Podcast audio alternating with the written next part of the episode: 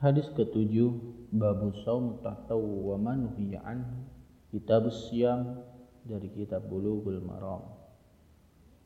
An Abi Sa'id al-Khudri radhiyallahu anhu anna Rasulullah sallallahu alaihi wasallam naha an siyami yawmaini yaumil fitri wa yaumin nahri.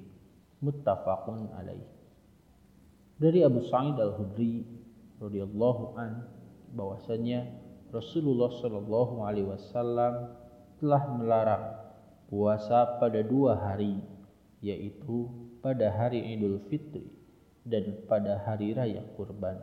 Muttafaqun alaih